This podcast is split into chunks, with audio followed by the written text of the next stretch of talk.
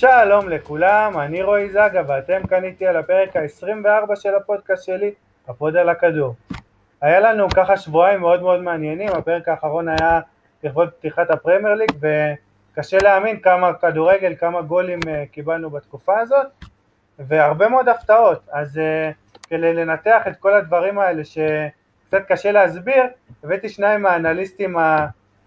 בעצם העולים של ימינו של הכדורגל הישראלי, נועם לוי כמובן ממשיך איתנו לפרק שביעי אם אני זוכר נכון וספרתי נכון, אז קודם נועם מה שלומך? מעולה, אה, תמיד כיף לחזור, יש לנו פרק מעניין, קרו הרבה דברים מעניינים, ותציג את, אה, את החבר החדש, שהוא חבר גם מהקורס שלי, והוא תומך. תציג אותו בעצמך, התחלת יפה. אה, אז מצטרף אלינו דין, אנליסט של נערים א' הפועל תל אביב, עם מיכאל זנדברג אם אני לא טועה, גם היה איתי נכון. בקורס, ואחלה בחור, אתם תשמעו ממנו דברי חוכמה בהמשך. אז דין, בוא, בוא, בוא תמשיך, ניתן לך ככה לקדם את הדף שלך לפני שנתחיל, אני חייב להגיד דף נהדר.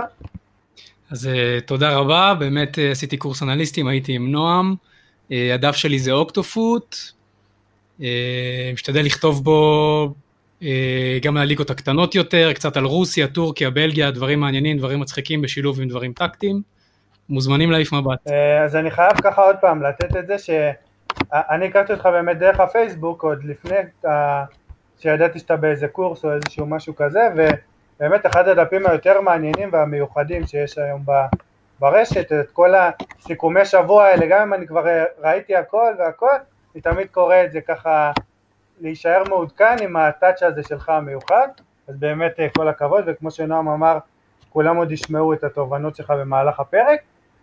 אז אחרי הקדמה ארוכה, אה, בואו ניגש קצת לכדורגל, נתחיל מהפינה ש... כנראה היחידה שנשארה איתנו עוד מהפרק הראשון, פינת שחקן השבוע, שכל אחד בעצם יבחר את השחקן שלו, והפעם אם אני לא טועה, הלכנו על חבר'ה מהדור הוותיק של, ה, של הכדורגל.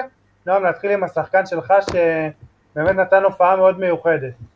כן, אז אני אתחיל עם, אה, עם השחקן שלי, אה, הלו הוא ג'יימי ורדי האגדי, שנתן אה, תצוגת תכלית ביחד עם כל לסטר נגד מנצ'סטר סיטי של פפ. האמת שאני נורא, נורא הופתעתי מה, מהתוצאה, ולא חשבתי ש... חשבתי שאחרי תחילת השנה של סיטי כן תתייצב וכן אה, תיצור איזושהי רצף, ופתאום באה לסטר ונתנה לה חתיכת זבנג, ובאמת, אני זוכר שדיברנו גם לפני הפרק ונתת כל מיני נתונים אה, מעניינים על ורדי, שהוא השחקן היחיד שכובש שני שלושה ערים אה, בקבוצה של פאפ, ופעם ראשונה שקבוצה של פאפ חוטפת חמישייה, זה אני לא ידעתי. נתון מטורף. זה נתון מטורף שזה דווקא מגיע מלסטר, שזה לא קבוצה שהיית אומר עכשיו שתיתן חמישייה לסיטי. אז אה, זה שחקן השבוע שלי, ובכלל כל אה, לסטר היא קבוצת השבוע שלי, ושרק ימשיכו ככה, הם נראים אה, פנטסטיים. אנחנו ניגע פנטסטי. בהמשך בהרחבה, כמו שאמרתי, במשחק הנהדר של לסטר, אבל בחירה מאוד ראויה נתת. אני הולך גם כן על שחקן שבעיניי אפילו לא הפתיע, אבל הפתיע בגלל הטיימינג שלו וכל מה שהוא עבר בחודשים האחרונים, וזה לואי סוארז, שבכלל עצם העובדה של בעיניי לעלות מהספסל זה משהו שקצת זר לו, ואני מאמין שהוא כן יהיה שחקן הרכב באתלטיקו, לפחות מקווה, כי חושב שגם היום הוא בין ה top שלוש, top חמש גג חלוצי תשע בעולם, הוא נכנס בעצם בדקה 71 במשחק של אתלטיקו מול גרנדה שהיא גם קבוצה לא רעה, נתנה עונה אה, לא רעה בכלל במקום השביעי אם אני לא טועה סיימה, ובעצם אה, כבר בנגיעה הראשונה שלו בכדור בישל, והוסיף עוד צמד, בעצם כולל התוספת זה היה בסביבות ה-23 דקות, משהו כזה, שזה באמת מדהים, הוא הוכיח, הקבוצה בעצם אתלטיקו ניצחה 6-1, שזה גם כן תוצאה מאוד מפתיעה ביחס לקבוצה, לאתלטיקו שלא נוהגת לתת תבוסות כאלה גדולות, ועוד פעם, בעיניי לואיס סוארז הוכיח שני דברים, קודם כל איזה טעות ברסה עשתה, ואומנם אנחנו עוד ניגע גם בה, במשחק הראשון היא שלה היא כן שיחקה מעולה האמת בעיניי, אבל היא כן תצטרך את החלוץ תשע הקליני הזה שיודע בטח לעלות מהספסל אם צריך ולהכריע משחקים, והוכיח לנו שכמו זלאטה נגיד שלא שיחק השבוע בגלל הקורונה שלו, אנחנו לא ניגע בו אבל וקריסטיאנו רונלדו, הרבה מאוד חלוצים, קואליארלה, יש רשימה ארוכה של חלוצים כאלה ש, שלא מזדקנים אלא רק משתבחים עם הגיל וכיף לראות את זה. הנה, אתה הלכת על שחקן שהוא לא חלוץ, אבל הוא, אפשר להגיד, הדבר שכל חלוץ טוב צריך, אפשר לקרוא לזה. כן, אז קודם כל אני רוצה להוסיף לגבי החלוצים המבוגרים, אנחנו רואים את זה גם אצל אגוארו ובמיאנג, לבנדובסקי גם בן 32 עוד מעט, זה מין תופעה כזאת ששחקנים היום בזכות הטכנולוגיה והמודעות אה, לתזונה וכושר מצליחים בגיל 32 עדיין להיות בשיא. אה, אני בחרתי בשחקן שהוא לא חלוץ, אה, באלחנדרו פפו גומס. יקיר הפוד, אני חייב רק לומר. חבל על הזמן, הוא פשוט קוסם, הוא פשוט אייל ברקוביץ', אבל לשתי רמות, עשר רמות מעל. על המחזור הראשון של העונה, פשוט עשה מה שהוא רוצה, חיבר בין שני האגפים, שער, שני בישולים בסגנונות שונים ועוד מסירת מפתח אחת שאיכשהו לא הסתיימה בשער, כל זה רק במחצית הראשונה. אטלנטה ניצחה גם 4-2, אה, נדבר על זה גם בהמשך. אה, הוא בן 32, אה, הוא היה חלק מצמד מפורסם עם איליצ'יץ', עכשיו איליצ'יץ' כבר קצת פחות בעניינים בגלל הסיפור שלו עם דיכאון. הוא לא שיחק במשחק הפתיחה, אז פאפו היה לכאורה לבד, אבל הוא פשוט שום דבר לא עוצר אותו, אתה רואה אותו, זה מטר שישים וארבע, והוא פשוט רץ, עובר לשופט בין הרגליים, עושה מה שהוא רוצה, וזה מקסים, זה כל כך רומנטי, אה, וכיף, ואני רק יכול להצטער שעד הקיץ שעבר לא צפיתי באטלנטה, לא הכרתי אותו, לא, לא הייתי בעניינים בליגה האיטלקית. אני מרגיש שפספסתי שנים של צפייה בבן אדם, ואני מצטער על זה, ועכשיו אני מקווה לראות את רוב המשחקים של אטלנטה עד שהוא, עד שהוא יפרוש. אה, קודם כל, אני, אני חושב שמי שמאזין לפודקאסט, אפילו מאזין לפרק אחד, אתה יודע כמה אני אוהב אותו, אני אספר שלוש אנקדוטות מאוד קצרות ככה לא לבזבז זמן מהפרק הגדוש הזה. קודם כל, אה, אני אגיד ככה ממש בקצרה, אני עכשיו יושב פה עם חולצה של מולר, שמי שקרא בטוויטר שלי יודע שאני הזמנתי חולצה של לבנדובסקי בכלל, וככה צחקתי על זה שמולר יודע להסתנן לשטחים, אז הסתנן להזמנה שלי במקום החולצה של לבנדובסקי. מקרה קצת דומה קרה לי עם אה, פפו גומר, שהזמנתי חולצה שלו, ובגלל הקורונה וממש התחילה, היא לא הגיעה בעצם, כבר עבר שבעה חודשים, כנראה שהיא לא תגיע, ובעצם החולצה, מתוך עשר חולצות היא היחידה שלא, שלא הגיעה, זה מראה כמה השחקן הזה מיוחד, אפשר לומר. עוד שתי נקודות קצת יותר uh, ענייניות, קודם כל דור הופמן, uh, באמת הגאון, כתב בטוויטר ב- בעצם בערך בפברואר שנה שעברה, שאטלנטה שיחקה מול ולנסיה, נקודה מאוד מעניינת שאני עד אז לא שמתי לב אליה, שפפו תמיד דואג להיצמד לשופט. למה? כי השופט לרוב הוא השחקן הכי, הכי פנוי בעצם במגרש, כי אף אחד לא מתקרב אליו, אין מה להתקרב אליו, והוא רואה גם את המשחק הכי טוב אחרי הכל, הוא חייב לראות כל דבר. אז הוא דואג להיצמד אליו, שזה מאוד מאוד חכם ואומר קצת משהו על השחקן. ועוד נקודה שבעיניי מדהימה ומרגשת, שפפו גומז היה מועמד בעצם בקיץ לאל נאסר הסעודית, והטענת אפילו רצתה למכור אותו, הציעו אליו באזור ה-15 מיליון יורו, שזה כן סכום יפה על שחקן בין 32-33, שהוא כן ככל הנראה יהיה בגרף ירידה בשנים הקרובות, לפחות לפי התחזיות הרגילות, הסטנדרטיות, ויותר מזה הוא ויתר על שכר משולש, במקום 2.5 מיליון פלוס מינוס שהוא מרוויח היום, הציעו לו 7.5 שזה באמת הבדל עצום, והוא ויתר על זה בשביל להישאר באטלנטה, בשביל להישאר ברמות הגבוהות, וישר, כמו שאמרת, במשחק הראשון נתן את ההצגה הזאת, זה באמת שחקן בעיניי שמסמל כל מה שיפה בכדורגל, ויפה מאוד שהזכרת אותו, זה ככה קצת ריגש אותי אפילו. אם דיברנו על אה, שחקן מרגש, רוצה שנגיע למשחקים המרגשים והמפתיעים של הסוף שבוע, בעצם רובם היו בעצם ביום כיפור, שאני לפחות אעיד על עצמי שלא ראיתי כלום, וככה פתחתי את הטלפון מופתע וממש בהלם. אה, אני רוצה שכל אחד ידבר ככה, יגיד מה המשחק שהכי הפתיע אותו, וכמובן שכל אחד יכול להוסיף על המשחקים האחרים. אה, אני אגיד ממש בקצרה, כי אולי אין הרבה מה להגיד, אבל המשחק שהכי הפתיע אותי, הניצחון העצום של וסטהאם על וולף, 4-0, הפעם האחרונה שוולף ספגה רביעייה, או בעצם יותר מארבעה שערים, היה בחמש שתיים של צ'לסי מולה בדיוק לפני שנה, ספטמבר 2019, במחזור חמישי זה היה, ומה שיותר מדהים באמת, שהפעם האחרונה שוולס הפסידה בהפרש של ארבעה שערים או יותר, זה היה לפני ארבע שנים מול ברנסלי עוד בצ'מפיונשיפ, גם כן בספטמבר, כנראה שזה חודש שהיא קצת אה, פחות טובה בו, ובאמת מה שמדהים בעיניי זה שקודם כל בווסטהאם המאמן דיוויד מויס שבכלל אני לא מחזיק ממנו, מאוד מאוד אפור ומזכיר קצת את מוריניו רק הרבה יותר אפור, הוא בכלל לא היה באצטדיון, הוא העביר את המשחק דרך אה, שיחת וידאו כזאת, הוא חולה קורונה, ובוולפס כל כך הרבה שחקנים נוצצים כן שיחקו, בין אם זה הימנה, זה בעצם במרכז המגרש מוטיניו ונבט, שלישיית הבלמים הרגילה שלהם שכבר חצי שנה לפחות רצה, עם סאיס, קודי ו... אה, איך קוראים לו? אה, זה לא היה ווילי בולי, השחקן השלישי, אני עכשיו שכחתי, אני אזכר.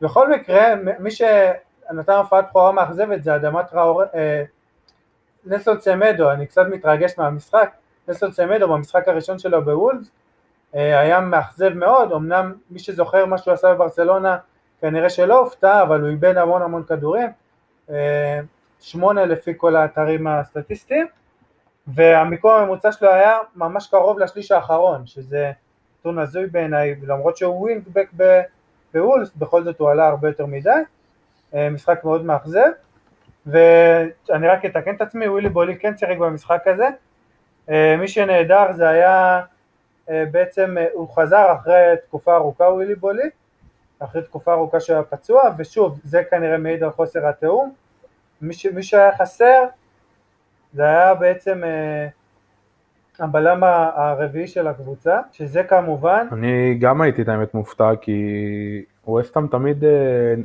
זכורה לי כקבוצה שמביאה מלא שמות מפוצצים, ואז בסוף צולעת, ופתאום אה, נותנים 4-0 לקבוצה שהיא, שהיא יחסית, אה, היא גם יחסית דומיננטית וגם יחסית יציבה כמו וולף, אז זה נורא נורא הפתיע אותי, אבל... אני חושב שהיא תחזור מהר מאוד לתלם של הדשדוש, וחבל לי דווקא, כי יש להם באמת שחקנים מוכשרים, אה, גם סבסטיאן אלר, גם אה, באואן ששם צמד שהוא רכש מעולה מהצ'מפיונשיפ, אה, אבל לדעתי לא, אני לא רואה אותם מעל מקום, מתחת למקום עשירי, בספק. מסכים איתך לגמרי, התכוונתי כמובן לריין בנט האנגלי, שכבר חצי שנה לא משחק, ו... זה שחקן שחסר, ככה קצת בלבול היה לי כמו כל ההגנה של וולף בעצם במשחק. אני רוצה שנעבור למשחק שלך דין, אתה בעצם אה, אמרת לי אז בפייסבוק, היה לנו ככה דיון שהתפתח, ככה כמה קוראים גם התערבו, שאתה קצת מופתע מהבחירה שלי, אז בוא נלך על הבחירה שלך וכנראה שיותר אטרקטיבית לפחות. כן, ביירן מינכן היא הקבוצה הכי מפחידה באירופה, אה, מחזיקה בטראבל היסטוריה, היחידה חוץ מברצלונה שזכתה בשני טראבלים, היא לא הפסידה מאז תחילת דצמבר, אה, לפני תשעה וחצי חודשים, ובראשון אחר הצהריים היא קיבלה בראש 4-1 מאופנהיים. אה, וזה לא רק התוצאה, זה גם המשחק עצמו, זה לא היה משחק של עקיצות. ביירן הייתה טובה בהתקפה, החמיצה, היה מגיע לעוד שערים, אבל ההגנה שלה הייתה כל כך אדירה.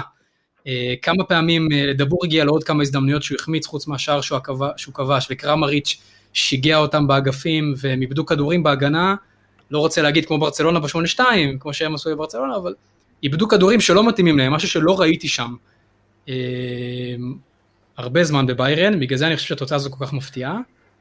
אה, לא סתם הפסידו על הרביעייה, כל ההגנה המהוללת, דייוויס וכו'. אה, מעניין, מעניין, וכמובן אני גם שמח בשביל מונס שלנו שהבקיע גול לא רע. אה, אז אז אני אוסיף כמה נתונים באמת מעניינים. קודם כל, בעצם את דיברת על ניצול המצבים של אופנהיים, זה, זה הנקודה באמת כנראה הכי, הכי מעניינת במשחק, כי אם נסתכל על נתוני XG ששלושתנו בעצם חובבים ככה, דווקא הם, הם נוטים להפרש הרבה יותר קטן, הם, הם עומדים על 2.2 לאופנהיים ו-1.5 לביירן, אז בעצם אה, כמו שאמרת, ההגנה של ביירן הייתה מאוד חדירה, מבחינת מספר איומים זה, זה היה הרבה יותר גדול, אבל פשוט אה, אופן מגיע למצבים כל כך קלים שזה קצת אה, אפילו מצחיק ש, שההפרש כזה קטן לעומת התוצאה. אה, אתה נגעת בקרמריץ', אז אני רוצה גם כן לדבר עליו קצת. בעצם הוא סיים את העונה שעברה, כולם זוכרים, הרביעייה מול דורטמונד. אם נחבר את סיום העונה שעברה ואת תחילת העונה הנוכחית, הוא עם 12 שערים בחמשת המשחקים האחרונים שלו באופניים, שזה נתון פנטסטי, בטח לשחקן שכבר כבר מאז הוא בעצם משחק לא כחלוץ אלא כמאחורי החלוץ, ועושה את הכניסות האלה לתוך הרחבה. ודאבור הנתון גם כן, שאומנם זה סתם נתון פיקנטי, אבל אני התחברתי אליו, שאם אפילו נוסיף את התוספות זמן שלו, בשתי המשחקים מול ביירן, כולל בגביע ועכשיו, יש לו ב-113 דקות מולם, מול נויר בעצם, מול כל ההגנה החזקה הזאת, שלושה שערים. בעצם שער תוך פחות מ-40 דקות, נתון אה, באמת יפה. אה, נועם, יש לך התייחסויות על המשחק המרתק הזה והשער היפה של מונס? אני גם נורא שמחתי בשביל מונס, ונורא הופתעתי מאופניים. לא חשבתי שהשינוי ב... בעמדת המאמן אה, יבוא, יבוא לידי ביטוי כל כך מהר. ומעניין מאוד לראות אם הם יצליחו לשמור ככה על כושר, כי שנה שעברה הם נורא, היו נורא נורא לא יציבים, והם ספגו גולים נורא נורא שטותיים והפסידו המון משחקים סתם, ולדעתי אם הם, אם הם ימשיכו להיות מפוקסים ככה, יכולים בכיף אה, לסיים בחמישייה הראשונה, מקום בצ'מפיונס אפילו, ויהיה מעניין לראות איך הם... אה, אני רק אגיד, נקודה אחרונה, שבעיניי המשחק הזה קצת פחות מפתיע בעיניי, כי כמו שאמרת דינגה, שביירן כל כך הרבה זמן לא הפסידה בעצם, שבעיניי זה כן היה צריך לבוא מתישהו, ולכן קבוצה שגם כן שברה שיא ניצחונות, 23 ניצחונות רצופים, שיא ניצחונות לליגות הבכירות בעצם, ריאל הייתה עם 22, עכשיו ביירן עם 23, נעצרה ככה בדיוק אחרי השיא, ובעיניי זה כן היה צריך לבוא, ואם זה לא היה בא אז, אז כנראה שזה היה בא הערב, אנחנו מקליטים ברביעי בערב, יש לביירן את הסופרקאפ בקלאסיקר הכל כך אטרקטיבי מול דורטמונד, אני חושב שאפילו אם נלך רחוק, הם העדיפו להקריב את ההפסד הזה להופנהיים, מאשר ככה לאבד תואר אה, מול דורטמונד ולאבד את האפשרות לזכות בשישה תארים, שהם מאוד מאוד קרובים אליה. עוד התייחסות או שנתקדם למשחק המפתיע של נועם שקצת דיברת עליו? אז יאללה נתקדם. אה, קצת הזכרת את המשחק של אסטר וסיטי, שאני משער שזה המשחק שאתה תרצה להתייחס, אבל אה, מה, בוא נשמע ממך. אז uh, אתה צודק, באמת נתייחס למשחק של אסטר של סיטי שהתייחסתי אליו מקודם. אני חושב שזה, שהמשחק הזה פשוט הראה למה סיטי כל כך מיהרה בבהלה להחתים את רובן דיאז, כי ההגנה שלה עם uh, גרפיה ויאקה נראתה כמו הגנה של נבחרת ישראל. וניתן גם ללסטר את המחמאות, כי באמת גם דיברנו על זה בינינו לפני זה, שהם לא איבדו הרבה מכוחם, בעצם רק צ'ילואל, שהוא המרכזי שעזב אותם, והם הביאו במקומו את uh, טימותי קסטן, שהוא יכול לשחק בשתי הצדדים והוא מגן מעולה, שאני נורא שמחתי שהם הביאו אותו, ולדעתי הוא הולך לתת, הוא גם אצלי בפנטזי, גם הוא הולך לתת uh, לדעתי עונה גדולה. Uh, גם ג'סטין, המגן הצעיר, שהוא עושה רושם ממש ממש חיובי, והם משלוש משלוש, שזה נורא מפתיע, ונראה כמה זמן הם יצליחו להחזיק את זה. התקפה שלהם אה, באמת עובדת מצוין, הפקיעו 12 גולים בשלושה שערים, בפרמייר ליג זה בכלל לא פשוט. במיוחד כשאתה משחק נגד מנצ'סטר סיטי, גם שיחקו נגד ברנלי, שהם קבוצת הגנה לא רעה. ואני מקווה שהם ימשיכו ככה, כי הסיפור שלהם אף פעם לא נמאס להתרגש ממנו. לגמרי. אז לפני שנעבור להתייחסויות של דין, אני אוסיף גם כן כמה משפטים. Uh, לגבי הריגוש, גם היה שם את, uh, לדעתי מדיסון, זה ששלף אחרי הגול שלו את החולצה של הבעלים, אה, של הבעלים. לא, זה של הרופא, אני ראיתי של הרופא. אה, אז נבדוק, נבדוק ונחזור אליכם בקטע הזה. בכל מקרה, היה שם אה, סנטימנט. מה שאני רוצה להוסיף זה כמה נתונים. קודם כל, מה שהוכיח עוד פעם עד כמה המשחק הזה היה באמת משוגע, זה שני השחקנים עם הכי הרבה נגיעות בכדור בלסטר, זה ג'יימס ג'סטין המגן שהתייחסת אליו, עם 51 ושמייקל עם 50, שזה נתון מדהים. Uh, לגבי שלושת הניצחונות של לסטר, uh, דיברנו על זה באמת קודם בינינו, לראשונה בתולדות הפרמייר בעצם לסטר מנצחת כל שלושת המשחקים הראשונים שלה, שזה גם כן נתון שאומר הרבה בעיניי. אה, uh, עוד נתון על ורדי נחמד שמצאתי, הוא כבש הכי הרבה שערים מול סיטי של פאפ ובפער עם תשע, השני אחריו זה סון עם חמש. זה גם כן נתון שמראה כמה הוא מרשים. אה, אה, קצת מקצועית, התייחסות באמת בסיסית, לסטר שיחקה שם אה, באמת במערך יותר מותאם לסיטי, עם ממש שלושה בלמים, זה היה ממש חמישה בהגנה, עם אמרטי הבלם שהוא יותר קשר אחורי, הוא סט לבלם, שיחק שם בנוסף, והיה שם 5-3-2 שזז כל הזמן ל-5-4-1, שארווי בארנס שיחק כחלוץ שני בעצם, זז לאגף שמאל ונכנס לרחבה, בצד השני הפראט שהוא גם כן יותר קשר אמצע, לכן אה, זה היה מערך דינמי, ובאמת אה, ברנדון רוג'רס נתן שם הצגה בקטע הזה, ומאוד התרשמתי. לכן, אני יכול להגיד שגם כן, עוד פעם, פחות הופתעתי כי לי היה ברור שזה משחק עם הרבה שערים, בגלל ששתי ההגנות לפחות פתחו את העונה לא כל כך טוב, ואני ציפיתי האמת, אם היית שואל אותי מה תהיה התוצאה, אני הייתי אומר בדיוק אותו דבר האמת, או 4-2 נגיד, לסיטי אבל. רק הפוך. כן. הייתי בטוח, הייתי בטוח שאני אפתח את הטלפון ויראה דה בריינה עם איזה צמד ובישול, משהו כזה, ככה מתפוצץ, לא עשה כלום, אפילו אף אחד מהגולים הוא לא היה אחראי עליהם, לא כמבשל ולא ככובש, והפנטזי שלי אפרופו ככה שמתי אותו קפטן והתבאסתי, אבל uh, שבוע הבא הוא מוליץ, בטח הוא יעשה משהו עם כל המשחקים המשוגעים שלהם. Uh, דינה, אני משער שיש לך גם כן הרבה התייחסויות, כי אי אפשר לא לדבר על המשחק המטורף הזה. אז, אז לסטר היא הפתעה ענקית מבחינתי, זאת אומרת, כולם יודעים שלסטר כבר קבוצה טובה, הייתה לה עונה מאוד מרשימה בעונה שעברה. אה, בדרך כלל קבוצות כאלה, אחרי עונה כזאת, הם מאבדים את רוב הנכסים שלהם. אם לא ורדי שכבר הוכיח שהוא קשור לקבוצה, ציפיתי שאנדידי יעזוב, שפררה יעזוב, ג'יימס מדיסון, שחקן כוכב לדעתי. אה, יש לו טאץ' של קוסם ברמה של פפו גומס, אולי כמעט ברמה שלו. אה, אבל חוץ מצ'ילואל כולם נשארו. אה, והם קבוצה מגובשת כנראה, ומאוחדים סביב המאמן, וממש הולך להם. אה, אבל עדיין זו הפתעה ענקית בעיניי, זאת אומרת, אה, סיטי הבקיעו את השער הראשון, ואמרתי, טוב, כאילו, זהו, זה משחק של סיטי, סיטי מבקיעים ראשונים, בדרך כלל הם מנצחים 4-0, 5-0. אם הם סופגים ראשונים, הם בדרך כלל מפסידים בשנה האחרונה. אבל אם מבקיעים ראשונים, בסדר, המשחק גמור. פתאום לסטר חזרו מפנדל מאיזה טעות בהגנה, ומשם הם פשוט, פשוט שיחקו נורא נכון, ושיחקו על הטעויות של סיטי, שלושת הפנדלים הגיעו מכדורים שחדרו את ההגנה והבלמים לא שמרו טוב. אה, מדיסון שם גול מדהים, הוא, הוא גם רק חוזר מפציעה, הוא נכנס כמחליף בכל המשחקים עד עכשיו, כשהוא יחזור להרכב לסטר יהיו אפילו עוד יותר טובים. אז כל הכבוד להם, רק דבר אחד שצריך להגיד עליהם, שנה שעברה הם פתחו מצוין את העונה, אה, המשחק מול ליברפול בדצמבר היה אפילו סוג של משחק עונה, הם קיבלו 4-0 בראש ומאז הם לא, לא התאוששו, ובסוף ירדו עד למקום החמישי. אה, אז בשביל האוהדים שלה אני מקווה שלא יקרה להם אותו דבר. נקודה מעניינת, אני רק אה, אתקן את עצמי, בעצם נועם כבר תיקן אותי, שהחגיגה של מדיסון הייתה באמת בשידור שראיתי, השידור החוזר, כולם חשבו שזה לכבוד הבעלים באמת, זה היה אולי אפילו מתבקש, אבל באמת עבר זמן ולכן אף אחד לא הבין, אז הוא בעצם uh, התייחס לרופא שאומר שעשה עבודה, עבודה יפה וככה הקדיש את זה לו. אני רוצה שנעבור עכשיו, אני קצת התייחסתי לאתלטיקו בבחירת שחקן השבוע שלי, לואיס סוארז, ובעצם אתלטיקו נותנת שישייה, אמנם גם סופגת, שזה גם כן אירוע קצת נדיר, 6-1 מנצחת את גרנדה, שכבר דיברנו על זה שהיא קבוצה לא פריירית בכלל, אני יכול להגיד שזה גם כן היה בעיניי אחד המשחקים היותר מפתיעים, בטח של השבוע, ואולי אפילו בהמשך העונה ימשיך להפתיע אותנו המשחק הזה. אה, אני רוצה לדבר על קודם כל על, אה, על מה שהיה נראה יופי של שילוב אה, בהתקפה שלהם.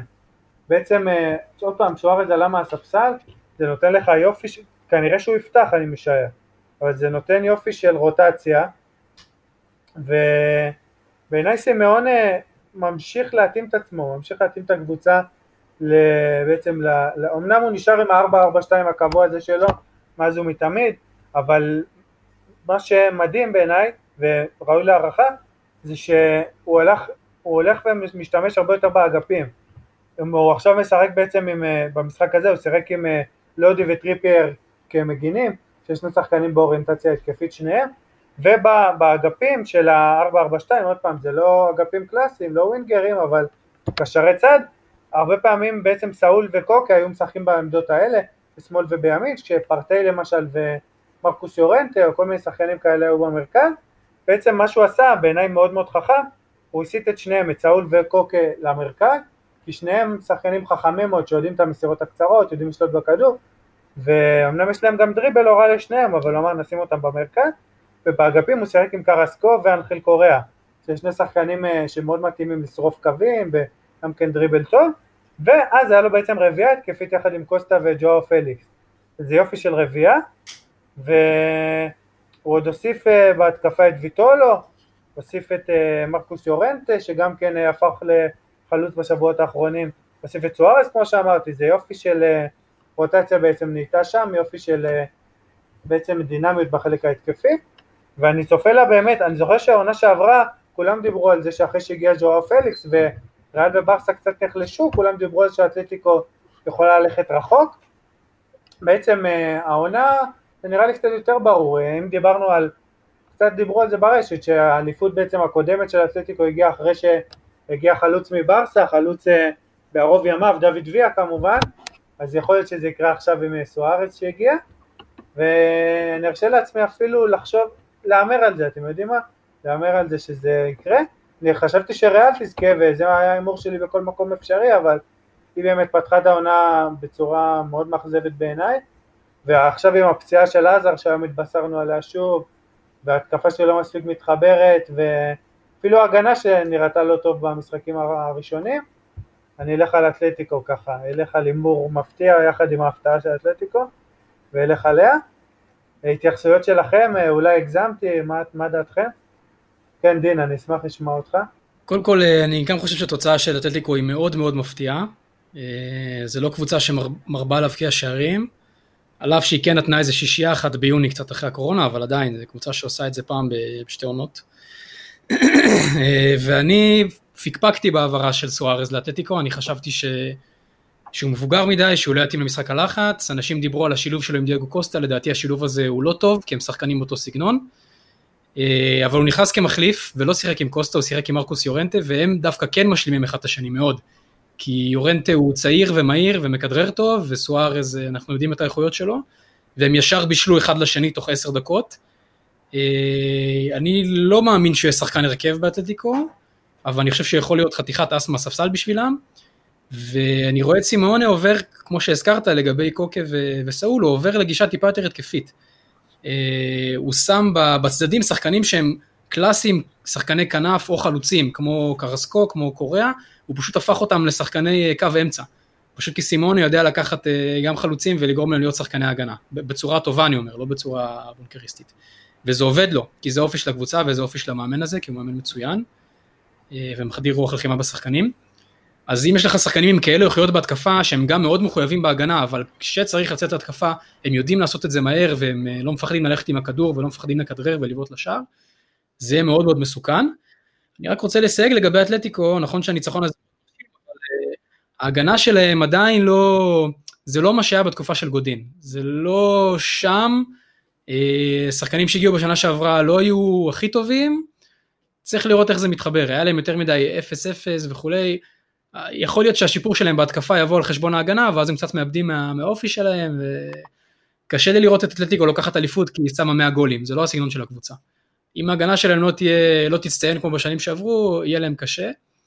לגבי מה שאמרת על מועמדות לאליפות, אז uh, אני חושב שזו באמת הזדמנות מצוינת בשבילם, כי ריאל מדריד הכי חלשה שראיתי בימיי כצופה בכדורגל, ב-19 שנים, אה, אני לא אומר שהקבוצה לא מוכשרת, יש לה בלם מצוין ושוער מצוין וקישור top class, אה, אבל ההתקפה שלה פשוט, אה, עם כל הכבוד לבנזמה, שהוכיח את עצמו במאני טיים והוא שחקן מאוד יעיל וכולי, התקפה די פתטית, בטח לא לקבוצה כזאת מפוארת, קבוצה ששברה שיאי הבקעות באופן קבוע. בלי רכש מפוצץ להתקפה, קשה לי לראות אותה מרשימה השנה, וברצלונה כמובן חילופי דורות וכולי, אולי באמת זאת השנה של אתלטיקו. ואולי של סביליה, מי יודע, גם שם יש אה, שילוב מעניין בין, אה, בין צעירים לוותיקים שחזרו הביתה. לפני שנעבור לנועם, שתי נקודות שאני גם כן רוצה להוסיף. דיברת על ההגנה של אתלטיקו, נקודה מעניינת ונכונה, שההגנה נחלשה, אבל חשוב להזכיר ש... שלפחות בעיניי יש לה את השוער הטוב בעולם, גם אם לא הטוב בעולם אז הוא top שלוש, שזה כמו שאומרים תחנה אחרונה קלאסית, גם אם אתלטיקו אה, מה שנקרא תופסת יום רע, ואתה יודע, כל השחקנים עושים טעויות, כמו מה שראינו בסיטי השבוע, או ב... סתם, ליברפול יכולנו לראות את זה. שהיא אמרה לוונדייק, או היא אמרה לרוברטסון, אז אליסון היה שם והציל איזה גול אחד או שני גולים על גבול הבטוחים. אז גם אובלק הוא כזה שזה בעיניי העמדה אפילו הכי חשובה בכלל, ב... תמיד אומרים את זה ובעיניי זה תמיד נכון, ששוער אם הוא שוער טוב, הוא שווה נקודות לקבוצה, אין מה לעשות, זה נכון, והיה עדיף לאתלטיקו להשאיר את אובלק כמו אפרופו שארסנל השאירו את אה, אובמיאן, שזה בעיניי חיזוקים שהם חשובים יותר מכל החתמה אחרת, למשל שתי הדוגמאות האלה. ואני רוצה עוד פעם להרים לך עם אה, נקודה שבעיניי נחמדה, היה לך את הפרויקט בדף שלך באוקטופוס של הקבוצות, הקבוצות המילניום, איך קראת, אני לא בדיוק זוכר, שבאתלטיקו למשל, מי היה החלוצים הכי טובים? ראינו שהיו לה שלושה ארבעה שוערים top class בשנים האחרונות, ב-20 שנה האחרונות, חלוצים גם כן, אולי תפנה אחר כך את המאזינים, דין, לפרויקט הזה. אתה, אתה זוכר על מה אני מדבר כמובן, הפרויקט של... ברור, 11 הגדולים של אתלטיקו. היו עוד של המון קבוצות כמובן, אז אחד הפרויקטים באמת הטובים שראיתי ברשת, אני, אני תודה. ככה כופה עליך לשתף את זה כמו שאומרים. נועם, התייחסות שלך לאתלטיקו, שנעבור לברסה?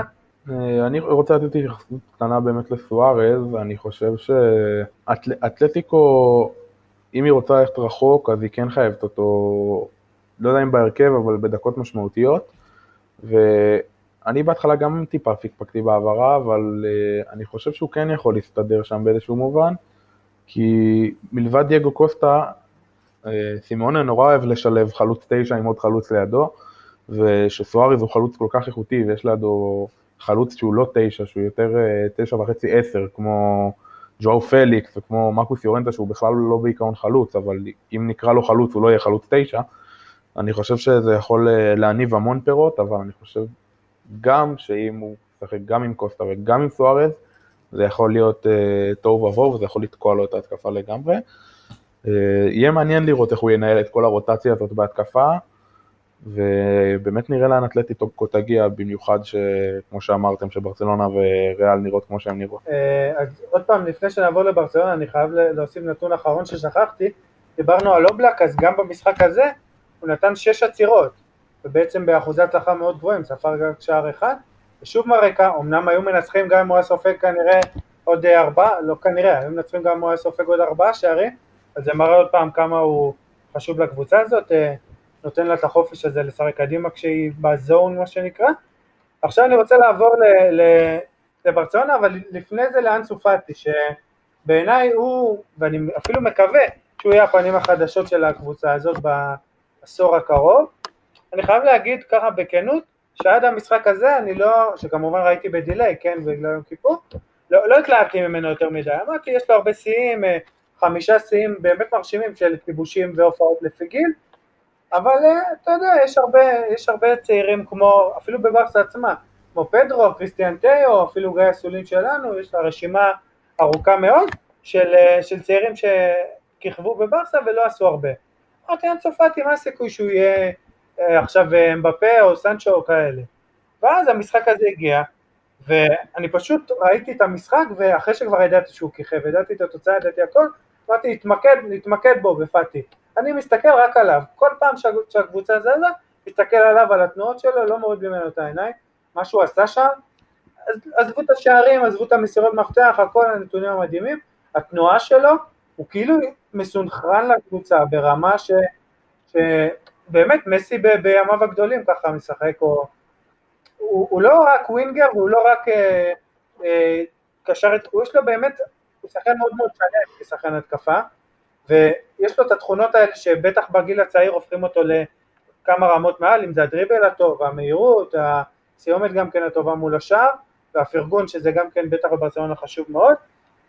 אה, הנקודה המצחיקה של המשחק הזה זה שהוא לא זכה בתואר אה, איש המשחק בעצם כי הספונסר של, אה, של איש המשחק בספרד זה חברת בירה, אז ג'ורדי אלבה שגם כן אה, היה לו חיבור יפה מאוד איתו, שידע ככה, שניהם ידעו, הוא ידע למסור לתנועה שלו, הוא ידע לנוע למסירות שלו, זה היה מאוד יפה, אז אלבה באמת היה ראוי, אם לא פאטי, לתואר איש המשחק, ובאמת אני חושב שאחרי אחרי המשחק הזה, אני באמת חושב ש...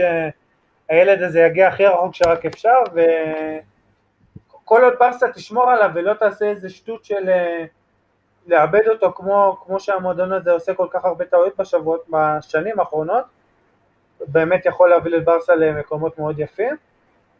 אה, התייחסויות שלכם, יש לי עוד דברים להגיד על המשחק, אבל על פאטי עצמו לפני שנתקדם, לפני שנתקדם למשחק עצמו, כן דין, אה, דבר. פאטי פשוט uh, הגיע לברצלונה מהשמיים, אחרי כל כך הרבה אכזבות משחקנים צעירים, אם זה בשחקנים שלא מילאו את הפוטנציאל, או שחקנים שההנהלה העיפה, זרקה וכולי. Uh, אחרי הרבה שנים כאלה של אכזבות, פשוט בא ילד לעמדה בהתקפה שהכי היו צריכים.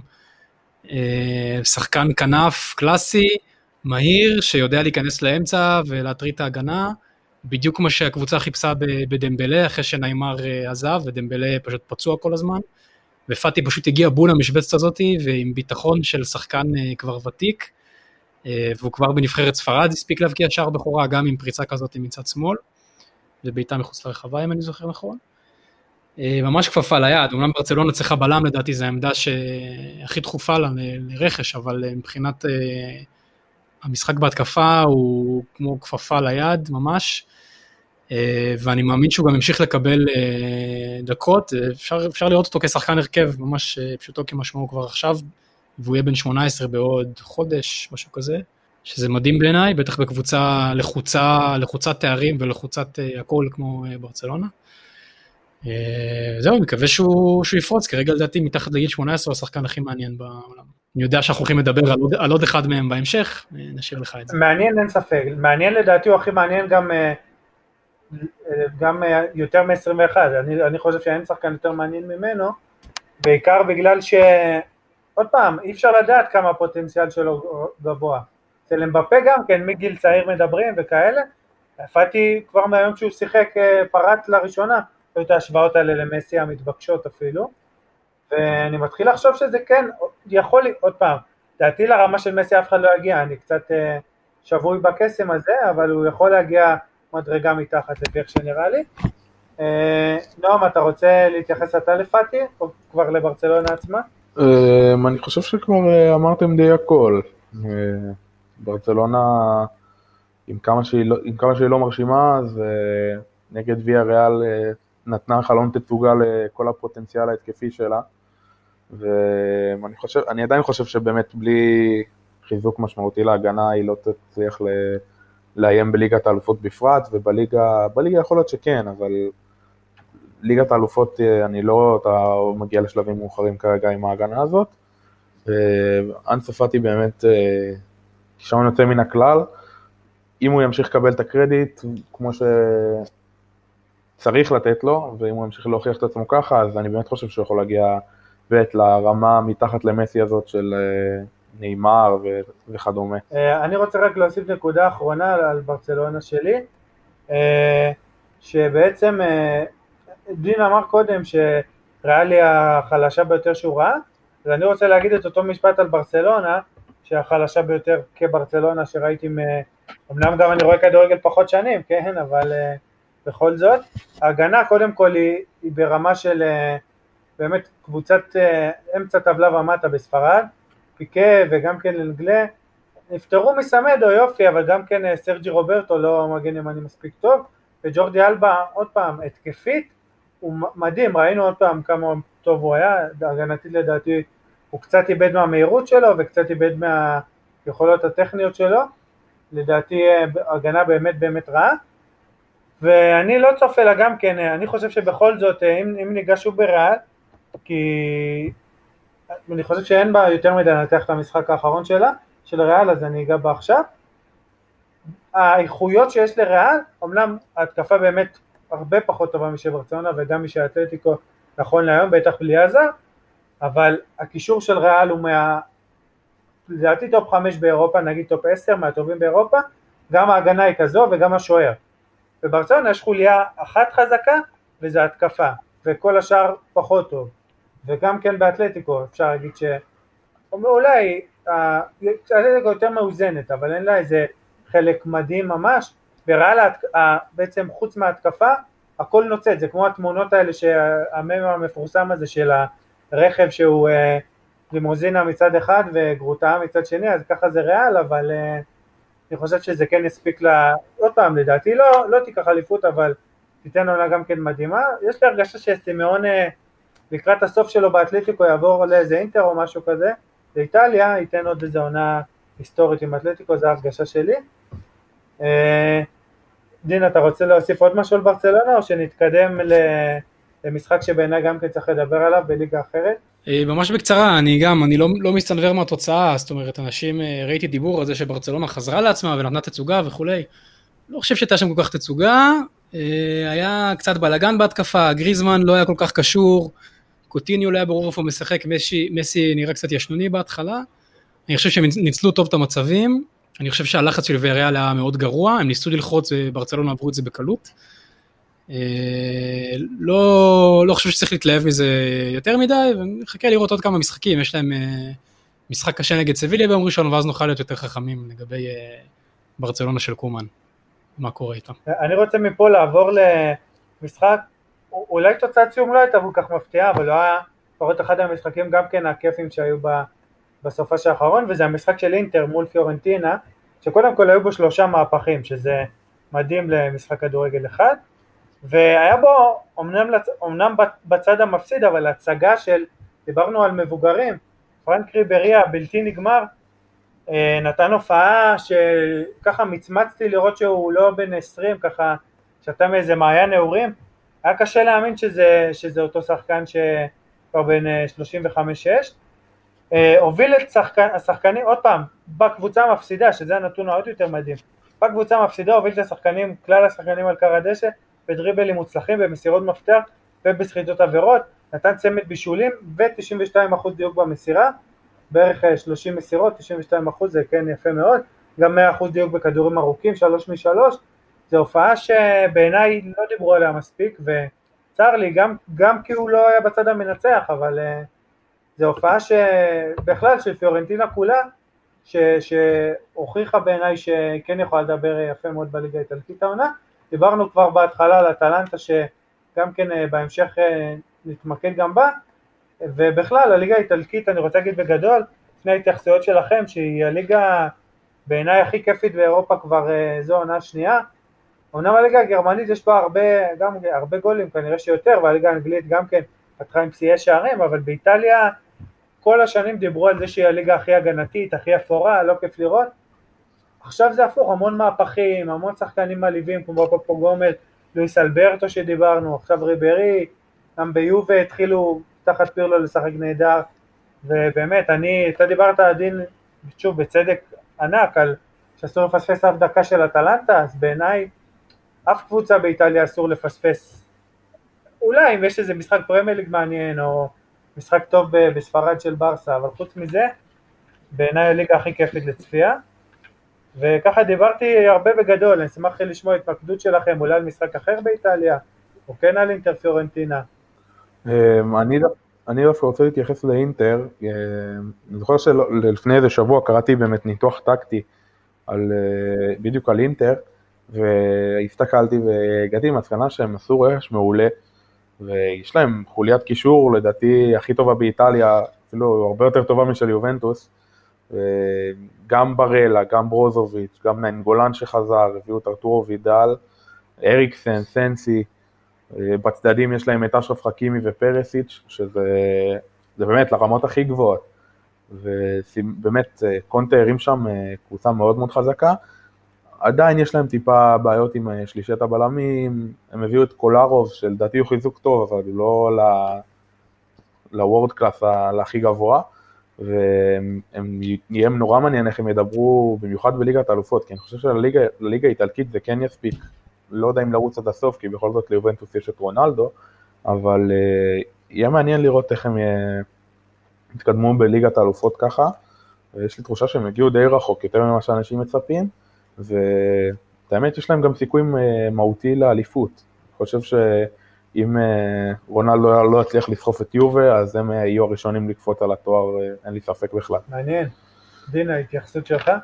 כן, קודם כל אינטר מאוד מרשימה. הקישור שלהם לדעתי גם, כמו שנועם אמר, מדהים. סנסי היה מדהים בשני המשחקים הראשונים של העונה שעברה, הוא גם היה טוב נגד יובנטוס, במחזור השני או השלישי, ואז הוא נפצע וגמר את העונה. אז עכשיו הוא חזר, ואני מצפה ממנו לגדולות. אמ, אני רוצה להתייחס גם למה שאמרת על פיורנטינה ועל ריברי. אמ, ריברי שנה שעברה גם נתן איזה תצוגה, זה היה גם בסנסירו, הם ניצחו 3-1 את מילאן, ממש אתמול לפני שנה, הוא נתן שם איזה שער בסללום, אה. ואז אחרי זה עוד איזה בישול אחד, ואז הוא נפצע, נפצע ופחות או יותר גמר את העונה. אז uh, ריברי באמת זה מדהים שבגילו הוא עדיין נותן את התצוגות האלה, אבל צריך גם להגיד שהוא לא שחקן עקבי, ואני לא חושב שזה מעיד אה, על איזושהי חזרה של פיורנטינה לצמרת או משהו, הוא כנראה ייפצע, ייעלם, יתעצבן, ייעלב עוד מעט. אני, אני בספק שנדבר עליו בעוד הרבה פודקאסטים, זה מה שאני בא להגיד. ולגבי המרוץ לאליפות, אז באיטליה קשה להגיד את זה אחרי שיובנטוס כל כך הרבה אליפויות ברצף, אבל השנה הזאת יותר מתמיד, אני חושב שהמצב פתוח. מילאן עם זלאטן, הסגל שלה אולי לא כל כך חזק, אבל הכל אפשרי, ואם קבוצה רצה ביחד ויש לה שילוב טוב בין ותיקים לצעירים, הכל יכול לקרות. יש לה את טאטה. אטלנטה גם אפשר להגיד ש... אה, שהסגל לא מספיק מעובה, והם לא מקבלים מספיק משכורת, וזה לא באמת זה, והם שמים גולים, אבל במשחקים הגדולים הם מפסידים. אי אפשר לדעת. לסטר לקחו באנגליה ב-2016, מונפליה לקחו בצרפת, אטלנטה מרשימה יותר לדעתי משתיהם. הכל יכול להיות, כאילו מוקדם להגיד, ראינו את אטלנטה משחקת פעם אחת, את מילאן פעמיים, אבל אה, את אינטר פעם אחת גם לדעתי. אבל אה, באמת הכל יכול להיות, ואני מסכים שליגה איטלקית היא הכי, הכי אטרקטיבית. אה, גם אם לא הכי חזקה, אבל הכי, הכי מעניינת והכי מחדשת, אפשר להגיד. הכי הרבה קבוצות שמעניין לראות. לפני ש... נועם, אני רואה שאתה רוצה להוסיף, אני רק אוסיף עוד משהו שלי. קודם כל, דיברנו על אינטר, אה, סתם אנקדוטה שככה קפצה לי עכשיו, היא ממש עכשיו משחקת בעוד שעה מול בנבנטו, ועולה עם הרכב כביכול שני, בגלל ככה הפרשי הזמן, בגלל שזה מחזור אמצע שבוע כנראה. בעצם השלישיית קישור שאתם קצת הזכרתם, וידל, סנסי וגגליארדיני, שזה כאילו שלישייה שנייה, שלישייה מעולה בעיניי, וגם אלקסיס פותח לצד לוקאקו כאילו חלוץ מחליף של האוטרו, זה יופי של, יופי של הרכב שני, של בעצם מחליפים. שקריניאר גם כן לא פתח במשחק הקודם, אני לא הבנתי למה, אולי אה, רואים בו כמחליף, אבל זה יופי של מחליף. כל הרוב אני חייב להגיד שאם נתייחס אליו, אה, אני לא ממש מבין את ההצבה שלו כ, כאחד משלישייה. אמנם הוא, לא, הוא לא מספיק אפילו, הוא קצת מבוגר בשביל להיות מגן ולחרוך קווים, אבל הוא, הוא מאוד מאוד כבד. ו, והוא, לדעתי בגיל הזה הוא, הוא לא צריך לשחק ב... גם לא בשלושה בלמים, כי הוא, כל, כל, כל האיכות שלו זה החלק ההתקפי, התרומה שלו להתקפה ב, בטכניקה גבוהה, בדריבל, במסירות, הוא, יש לו, אמנם, זה לא בדיוק מסירות מפתח אף פעם, אבל הוא יודע לשלוח את הכדורים הארוכים האלה, החצים האלה, מה שנקרא בשפה המקצועית, ולפרק ככה קווים. בעיניי זה כן טעות של, של קונטה, אבל הוא, אי אפשר להגיד שאני יכול להתווכח עם הגאונות שלו.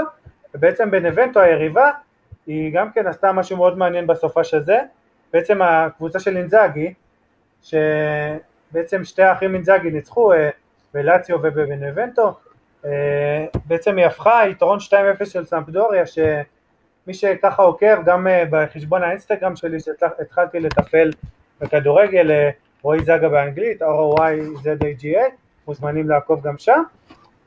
שיתפתי בעצם את הסרטון המטורף של ההצגה של, אה, של אנטוניו קנדרבה, שבעצם יום אחרי זה כבר שיחק, כתבתי את זה בכל מקום אפשרי, זה הסרטון הכי מטורף שראיתי בעולם, כזה קלאסי איטלקי והקואליארלה שאני מאוהב בו, ככה משחרר גם כן, אה, אחרי שנועם גם התלהבת מהסרטון הזה, ובאמת, אה, יש עוד המון מה להגיד על הליגה הזאת, גם אם זה עוד פעם לאציו שנראתה טוב, ויובה, אני מאוד התרשמתי, אמנם מול רומא עוד פעם, עשתה תיקו, אבל זה בכל זאת רומא קבוצה לא פריירית עם הרבה מאוד שחקנים אה, כן אה, ברמה הגבוהה ובמשחק הראשון פירלו הביא שינוי, אפשר אה, שעה לדבר על זה בעיניי כי אני התרשמתי מהרבה דברים שם, הביא שינוי מה עוד פעם השלושה בלמים הזה והקישור המעובה, רמזי לפחות במשחק הראשון נראה מעולה ורונלדו שעוד פעם לא נגמר, הנגיחה שלו מול רומא הייתה נהדרת, עוד פעם צמד ובאמת הליגה הזאת לדעתי אפשר אה, בהמשך להקדיש לה אפילו פרק משלה,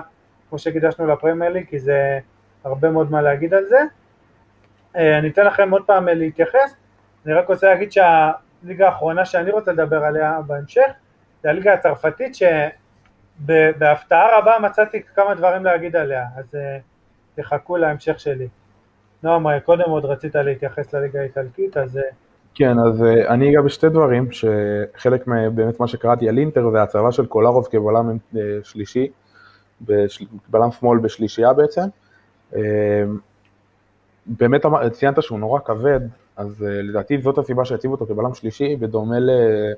לסבורית במכבי תל אביב, זה בערך אותה הקבלה, שלוקחים מגן שהוא פחות מהיר, פחות יכול לשרוף את הקו, ומוצאים אותו כבלם שלישי, א' כל כי הוא, א' כל הוא מניע כדור מצוין, שהוא תורם המון להנאה בין השלישייה, שזה נורא חשוב שבלמי צד יהיו עם משחק רגל טוב, כי הוא יודע לדחוף כדורים בין הקווים, הוא יודע לתת באמת את החצים הארוכים כמו שאמרת, ויש לו המון ניסיון, יש לו מיקום טוב, הוא יודע להתמקם, וקונטה בונה על זה שהוא יהיה הלידר הוותיק בהגנה, כיאה לקבוצה איטלקית כזה, ועוד קבוצה שאני רוצה לגעת בה באמת באיטליה זה נפולי, שניצחה 6-0, אני לא זוכר מתי פעם נכון. אחרונה נפולי ניצחה 6-0, שגם סיפור מעניין שאירווינג לוזאנו רצה לעזוב אחרי עונת התאקלמות אה, מזעזעת שהייתה לו, וגטוסו נורא התעקש עליו, ולוזאנו שם צמד ב-6-0, ובאמת מעניין אותי איך הכישרון המקסיקני הזה יפרח, כי אם הוא יפרח הוא יכול להיות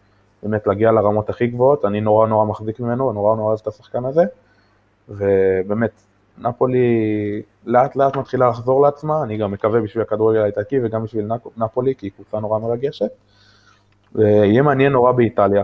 שוב, כמו שאמרת, לדעתי באמת ליגה אולי הכי מעניינת בעולם. בשביל זה אתה כאן אצלנו, נועם, להזכיר לנו את נפולי, שאפילו הכנתי עליה כמה דברים ושכחתי, היא שיחקה במשחק הזה מול אה, גנואה, עם בעצם, נכון. בעצם אה, מי, מי הקישור גם כן, מהקישור ומעלה, גם צמד בלמים טוב, שזה קוליבאלי ו, ומנולס, מהקישור ומעלה אבל, אה, יש לה את זילינסקי ופביאן רואיז, צמד קשרים שאי אפשר לפקפק באיכות שלהם, ורביעיית התקפה באמת מדהימה, אם זה היה אינסיניה שאומנם אה, הוחלף בשל פציעה, אבל אינסיניה, לוזאנו, דריס מרטנס מאחורי אוסימן, רביעיית התקפה פנטסטית, באמת אה, הרבה זמן לא נהניתי ככה מלצפות בנפולי, ואליף אלמאס גם כן המקדוני הצעיר שהחליף בעצם את אה, אינסיניה בהתחלה, נראה מעולה, גם כן אני זוכר אותו עוד מהמשחקים מול נבחרת ישראל שלנו, ש... שנראה שם נפלא, אה, באמת נפולי זה נקודה שטוב שנתת, נקודה מאוד חשובה.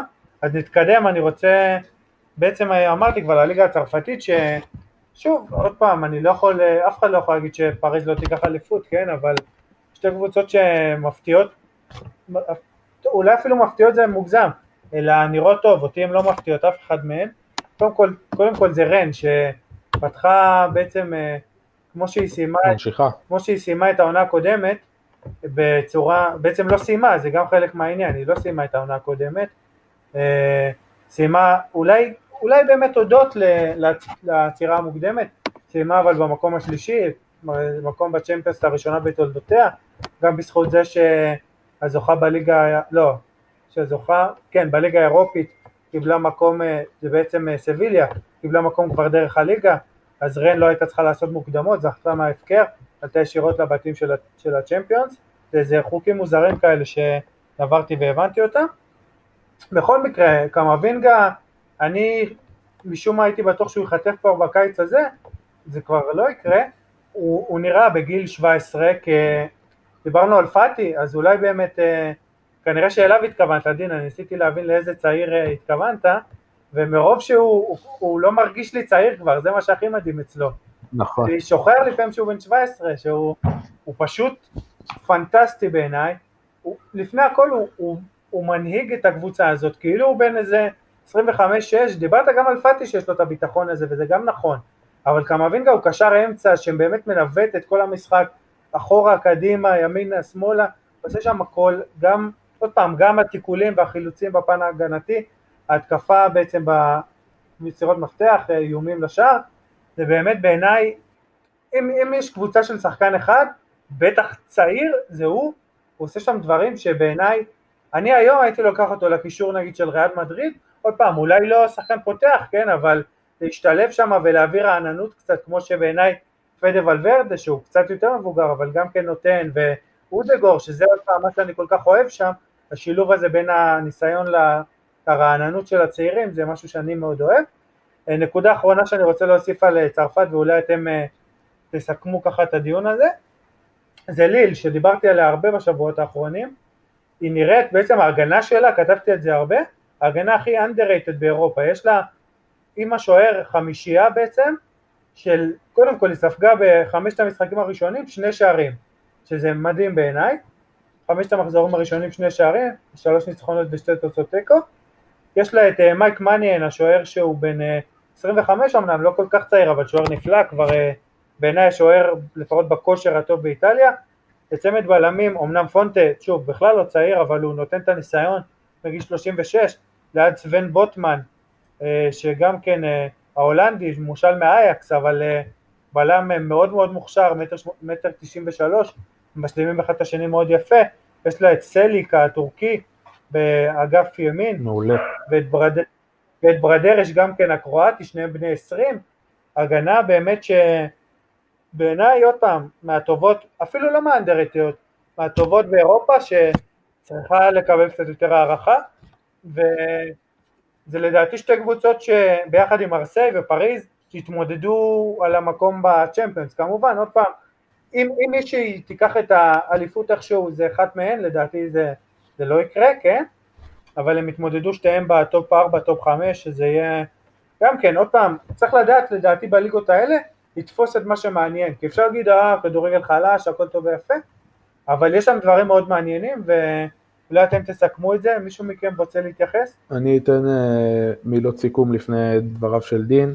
שבאמת, אה, אפרופו סליק, המגן ימין של אה, ליל, שהוא חלק מדור הזהב בהגנה, אני קורא לזה, של טורקיה, ביחד עם אה, סויינצ'ו ומריד אמירל, שהולך להיות לנו נבחרת שהיא די קטנה, עם הגנה אולי אחת הגדולות באירופה בעתיד. גם קבק, שאומנם קיבל אדום. נכון, גם קבק, אבל... בשלקה, בלם מעולה. והייתי רוצה לתת לתת דווקא מילה על המאכזבת שלי בליגה הצרפתית, שזאת ליון, שאחרי שנה שעברה, שככה עם כל, הסיפ... כל הבאז שהיה סביב, סביב הצ'מפיונס וכל ה... כל הסיפור, שהיא מארבעה משחקים ללא ניצחון, עם שש נקודות מחמישה משחקים, וממפיס עוד לא עזב, אז אין להם תירוצים, הם די שמרו על הסגל משנה שעברה, ולא מובן לי הירידת מתח המוגזמת הזאת. ואני מאוד מקווה בשבילם, זה מועדון שאני מאוד אוהב, אני מקווה שזה מועדון ש... שיצליח ככה להתאפס ויחזור למקומו הטבעי בצמרת. דין, סיכום שלך? אני מתחבר מאוד למה שנועם אמר על ליון, קבוצה נהדרת לדעתי, שנה שעברה ראינו אותם בליגת האלופות, שהם היו לא רעים בכלל, לדעתי הם התחילו להתחבר רק באמצע העונה, ואם הליגה לא הייתה מופסקת בגלל הקורונה, הם היו מגיעים למקום הטבעי שלהם, שזה אזור מקום אה, שני, שלישי, רביעי בסוף. אני רוצה להוסיף גם לגבי אה, מונקו, שהיא קבוצה מאוד מעניינת. אה, היא יכולה עונה אחת לסיים במקום השני, עונה אחר כך לסיים במקום 14. יש שם כל הזמן בלאגנים, משחקים עם מלא שערים, נכון. כרטיסים אדומים. משחקים שם שני שחקנים מאוד מעניינים כרגע, פאברגס, שהוא עדיין אחד המבשלים הטובים בעולם, אה, כשהוא רוצה, כשהוא מתאמץ, וויסאם בן ידר, שהיה מלך השערים המשותף של הליגה בעונה שעברה. קבוצה שתמיד כיף לראות את המשחקים שלה. יש... אולי פחות איכות בליגה הצרפתית, אבל יש הרבה עניין. לגמרי. סיכמת באמת יפה, ואם כבר סיכמת את זה, אני רוצה ככה, שאנחנו וכל המאזינים נשמע אותך מסכם את הפרק פודקאסט הראשון, ואני מבטיח לכולם לא האחרון שלך. אז קודם כל תודה רבה על האירוח, אני אשמח אה, להגיע גם בהמשך. היה מעניין, למדתי. מבחינת סיכום, אני, תראו, אני חושב שהיה אחד ממחזורי הכדורגל הכי משוגעים שאני שאני ראיתי. זאת אומרת, בכל ליגה היו רביעיות, מהפכים, הפתעות. אה, אני חושב שהדיון מעניין על איזה רביעייה או אה, חמישייה פה הייתה יותר, אה, יותר מעניינת. לסכם, אני חושב שהסיכום זה שהכל אפשרי בכדורגל, אנחנו ראינו את סיטי סובלת מבעיות, אבל מי היה חושב, מה, חמש שתיים ללסטר, כמו שאמרתם, היינו חושבים שהתוצאה היא אחרת. וולפס גם קבוצה התקפית, אוהבת uh, מתפרצות, אוהבת כדורגל מהיר, 4-0 היינו מנחשים שהתוצאה תהיה הפוכה לטובת וולפס. Uh, כנ"ל ביירן מינכן, בקלות היו מנצחים 4-1 את אופנהיים. זהו, אני, אני בטוח שעל קמבינגה ועל פאטי אנחנו נדבר עוד הרבה. בקרוב הם יהיו בני 18, לדעתי בחודש הקרוב שניהם. זה עדיין יהיה לא פחות מרשים. והכדורגל כיף, לא מפסיק להפתיע. יהיו עוד הפתעות, ואני מאחל לכולנו שהשנה לפחות באחת הליגות הגדולות תהיה אלופה חדשה, אפשר לדבר על זה כבר בפודקאסט אחר. ויאללה כדורגל!